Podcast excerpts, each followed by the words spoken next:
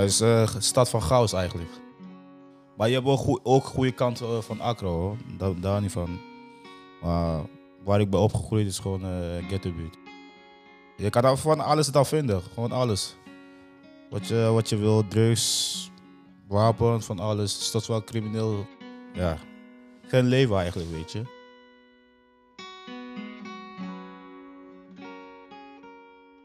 Dit is het verhaal van Prince. In 2010 kwam hij met zijn moeder naar Nederland en werd hij mijn mentorleerling op de Utrechtse taalschool voor jonge nieuwkomers. Hij was toen 16 jaar. Het is een verhaal over wennen aan de andere beleving van tijd. De Nederlandse taal, de toekomst die vandaag begint. En over het maken van belangrijke keuzes. Ik ben Rob Becker. Ik werk als leraar Nederlands op ITK Internationale Schakelklasse Utrecht. Het werken met jonge mensen betekent dat je vooraf niet weet wat er gebeurt. Dat is een mooi geschenk.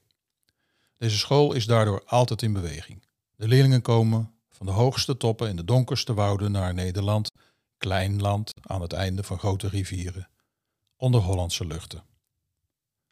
Prince kwam uit het West-Afrikaanse Ghana.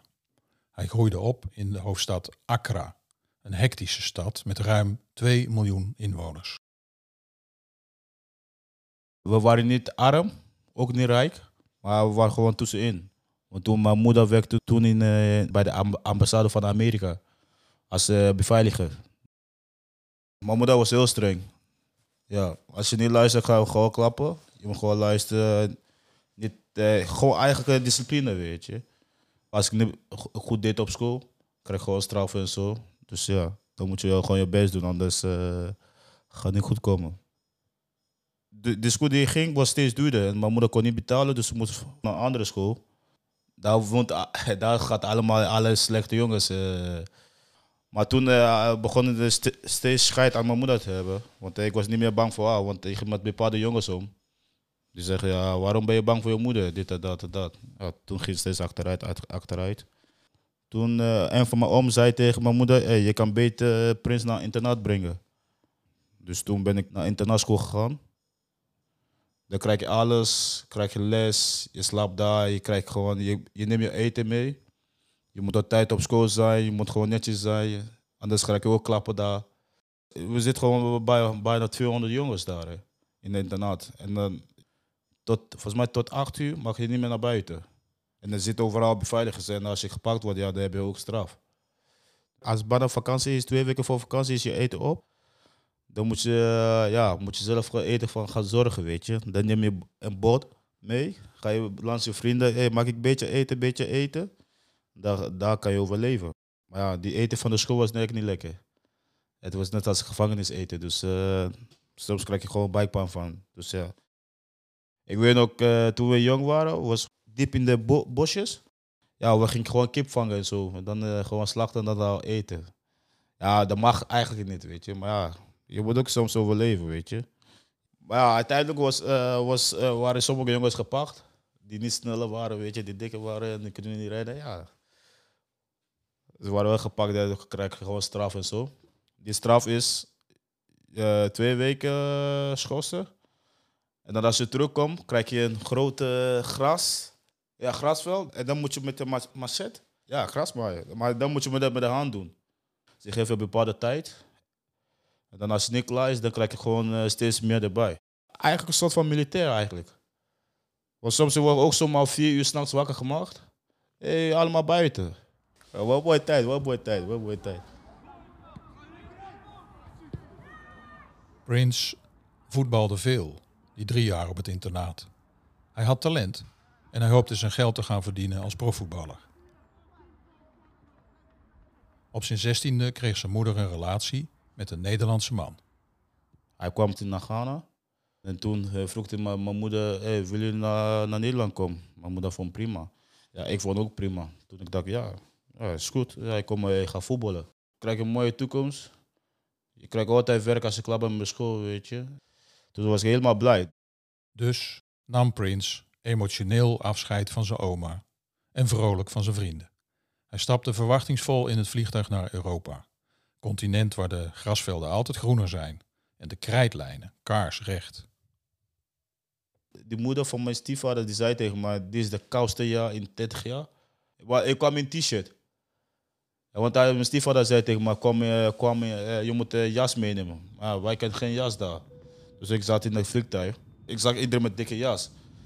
Dus misschien maar aankijken met een t-shirt. Dacht, Oké, zal wel. Toen eh, we kwamen naar Düsseldorf, het was heel donker. Het was wintertijd. Dus het was zes uur, maar het was steeds donker. Dus ik keek, ik keek uit het vliegtuig. Zo, toen zag ik heel veel sneeuw en zo. Dus ik dacht, wow, wow, wow, wow. Toen ik hier kwam, ik zag, ik zag die als gewoon als een vakantiebestemming. Het is alles gewoon goed geregeld, weet je. Dus ja, ik zei tegen mezelf, als je in Afrika kan overleven, dan kan je ook in Nederland overleven. Ik dacht, ik dacht van, wat is dit? Is dit paradijs of zo, weet je? Want alles is gewoon, eh, alles is op een rij, weet je. Je ziet gewoon nooit, uh, nooit afval op straat of zo, weet je, wat ik gewend ben. Maar ja, toen kreeg ik mijn eigen kamer. Toen dacht ik, wow, wow, wow, wow. Ik was helemaal blij, ik was echt helemaal blij.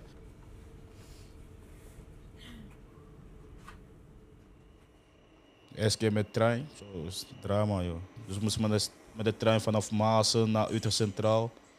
En dan je komt daar over, iedereen is druk. Mensen, mensen moeten op tijd tijd halen. Ik zag, keer ik zag mensen rennen. Ik dacht, hé, hey, zijn mensen hier gek of zo? Ah, het is gewoon normaal, maar iedereen wil op tijd op zijn werk zijn, weet je. Oh, dus ik moet hem mee naar huis nemen? Ja. Of mag ik hem ook hier laten? Nee, moet je naar Waar ga je naar vakantie bestellen? Waar ga je? Ja, waar ga je vakantie bestellen? Eh, ik heb gehoord dat ik hier ergens op vakantie ga, in deze streek. Sudan. Hoe heet die? Was Somalia. Op school begeleiden we leerlingen in het leren van de Nederlandse taal. Maar ze zitten ook nog midden in hun puberteit. Ze zijn nog aan het uitvogelen wie ze eigenlijk zijn als individu en als groepsmens. In die twee jaar dat ze op onze taalschool zitten, moeten de jongeren zich oriënteren op de Nederlandse cultuur en de mogelijkheden van vervolgonderwijs. Dat is veel tegelijkertijd. Eerlijk gezegd vond ik ook raar. Dat ik dus gewoon eh, tussen de- met de blanke mensen in de klas, weet je. Ik vond het ook leuk, weet je. Ook andere cultuur, weet je, andere mensen. Maar toen, eh, ja, je mag geen Engels praten. Je moet alleen maar eh, Nederlands. Nou, toen eh, was wel, was wel heel, heel- heel erg moeilijk hoor. Kijk, die docenten kan wel Engels, maar ze, ze praten weer geen Engels tegen jou. Ja, je, moet alles in Nederlands. Ja, en soms ik kom gewoon niet uit. Soms ik ging gewoon praten alsof je doof bent, weet je, met de handen. Zo. Na twee, drie maanden, ik wou, om eerlijk te zeggen, ik bijna stoppen hoor. Maar ja, toen zei een Ghanese man tegen mij, zei, hey, als jij in Nederland bent, je kan niet goed Nederlands, je krijgt geen eh, goede baan hè. Dus eh, ik ga gewoon je best doen, gewoon de taal leren en dan eh, komen we goed. Dus eh, uiteindelijk, eh, na twee maanden, we wennen steeds aan. Was steeds leuker op school en zo. Maak je vrienden. Ja, ik, Oh, ja. ik was wel lastig hoor. Ik was wel een lastige jongen. In de klas deed Prins aanvankelijk helemaal niks.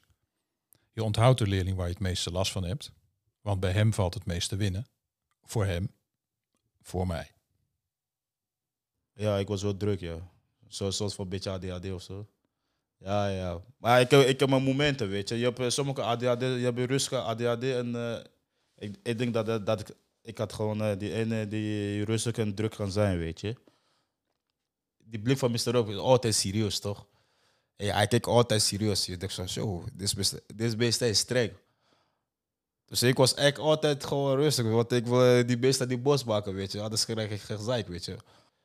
Ik, want ik ging vanuit dat Mr. Rob heel streng was, maar hij ging met mij praten alsof eh, ik zijn kind was, weet je. Nou, nou uiteindelijk zei hij, deze man, deze man houdt van jou, dus je moet gewoon een beetje serieus gaan eh, doen en zo. Het is uiteindelijk goed gekomen. Je moet eh beroep gaan kiezen, hè, wat je wil gaan leren. Ja, ik kan, niet, eh, ik kan niet de hele tijd zitten achter de computer, is niks voor mij.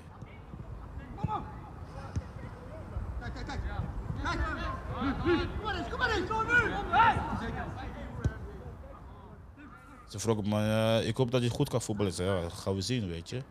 Dus na eerst, eerste keer trainen, eh, toen die wou die trainer die noemen van mijn stiefvader. Hij ging kijken voor scouts. Van, eh, toen hadden we heel veel scouts bij FC Utrecht, PSV. Maar uiteindelijk is het niet goed gekomen. Toen had ik ook heel veel last van mijn lies. Ik heb een jaartje niet gevoetbald door dat. Volgens mij toen, mijn, lichaam, mijn lichaam is niet gewend aan de kou of zo. Die, die broertje van mijn, stiefvader was, werkte toen in een metaalbedrijf. Ik zag hem werken, is eigenlijk bewegelijk werken.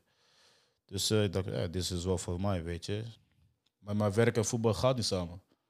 Want eh, je werkt gewoon eh, lange dagen en je komt, je moet trainen. Toen dacht ik, ja, weet je, gaat niet worden. Of je, ik moet kiezen, weet je. Of werk of voetbal. Toen ik dacht, ja, straks voetbal ben ik geblesseerd. ik heb geen werk, hoe kom ik aan een inkomen dan? Want, ik, heb ook, ik ken ook veel vrienden van mij die ook voetballer zijn, maar ze hebben nu geen baan, niks. Ze zijn geen prof geworden. Alleen eentje is wel prof geworden, maar de rest niet.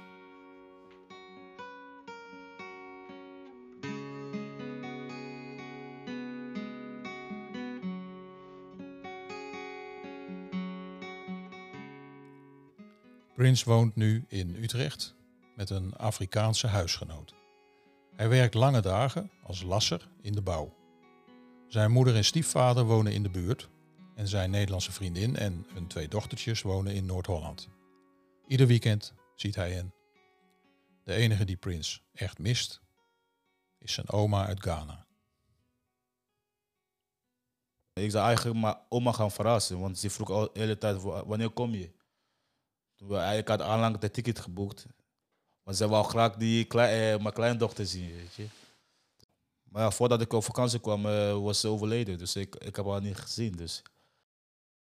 Want ik weet nog, ik, ik werkte toen bij Skydive. Toen met bouwen van de Skydive Utrecht, weet je. Ik heb daar ook acht maanden gezeten. Toen eh, was ik met collega, collega aan het praten, een soort van mijn leermeester. Toen zei hij tegen mij, misschien kan je beter eerder naar Ghana gaan dan eh, misschien later. Ik zei, ja, misschien ja, maar oma leeft toch langer, dus eh, ik geloof wel dat het goed komt. Zei, je weet maar nooit, hè. Dus twee weken voor mijn vakantie, dan ik gewoon te horen dat ze overleden. Ja, ik kon, ik, kon de hele dag niet slapen. Ik ben gewoon de vo- volgende dag niet naar werk geweest. Zei, ja, weet je, ik kom niet, weet je. Want eh, een van de belangrijkste personen in mijn leven is overleden. Dus, eh, ze hebben ook mijn moeder geholpen om mij op te voeden. Ja. Want soms, eh, ik had ook af en toe ruzie met mijn moeder, maar ik krijg geen eten. Ik krijg geen geld. Ja. Om- is altijd lief. Zei, Oké, kom, ik ga eten voor jou maken. Ik krijg, gewoon geld en zo, weet je. Oma is eh, voor mij al, altijd voor mij geweest, ja. Ik weet ook, toen ik moest eh, gaan of verlaten voor Nederland, ze, ze was helemaal in de weet, weet je. Maar is normaal in cultuur eigenlijk dat als iemand weggaat of zo, weet je. Ze gaf me goede advies. Hey, gewoon rustig, goed nadenken. Je gaat daar voor je toekomst, weet je, niet eh, gekke dingen. Want je hebt sommige jongens, ze, ze komen van Ghana, ze gaan naar Nederland en dan wordt ze gewoon een junkie of zo, weet je, drugs of zulke dingen, weet je. Gewoon rustig, gewoon luisteren, discipline, blijf rustig. Als ik nu zou vertellen hoe het gaat, ja, ik heb het gevoel dat is gewoon met ons hoor. Prins kondigt wel eens aan dat hij in de kerstvakantie bij me op bezoek komt. Dan neemt hij altijd zijn vriendin en dochter mee en voor mij de fles rode wijn uit zijn kerstpakket. De ene keer stuitert de driejarige peuterpuber door de huiskamer. De andere keer zit het vijfjarige prinsesje verlegen bij moeder op schoot, terwijl de jonge vader op onze bank trots naar haar kijkt. Prins is een vriendelijke, avontuurlijke vrijbuiter. Ik ervaar zijn gevoel van verantwoordelijkheid en leer van zijn vertrouwen in de toekomst. Nu, ik ben eigenlijk gewend aan Nederland eigenlijk. Als ik naar, naar Ghana ga, heb ik moeilijk met eh, mensen communiceren. Want eh, daar komen mensen gewoon, je maakt afspraken met mensen, maar mensen komen gewoon te laat, weet je. Ja. Want ik heb ook mijn kinderen hier, ik heb mijn hele familie hier. Maar ik denk ik gewoon deels in Ghana wonen in Nederland. Maar niet helemaal terug kunnen immigreren, nee. Dat, dat, wordt wel lastig. Dan moet ik alles opnieuw gaan beginnen daar. Maar ja, dat komt wel goed hoor. Je luisterde naar het verhaal van Prince. Er zijn ook nog verhalen van Betty, Hatim en Rihanna. Mijn reis naar hier is een productie van stichting Common Frames. In samenwerking met de school ITK Internationale Schakelklasse Utrecht, waar ik, Rob Haarbekker, nu 35 jaar werk als leraar Nederlands.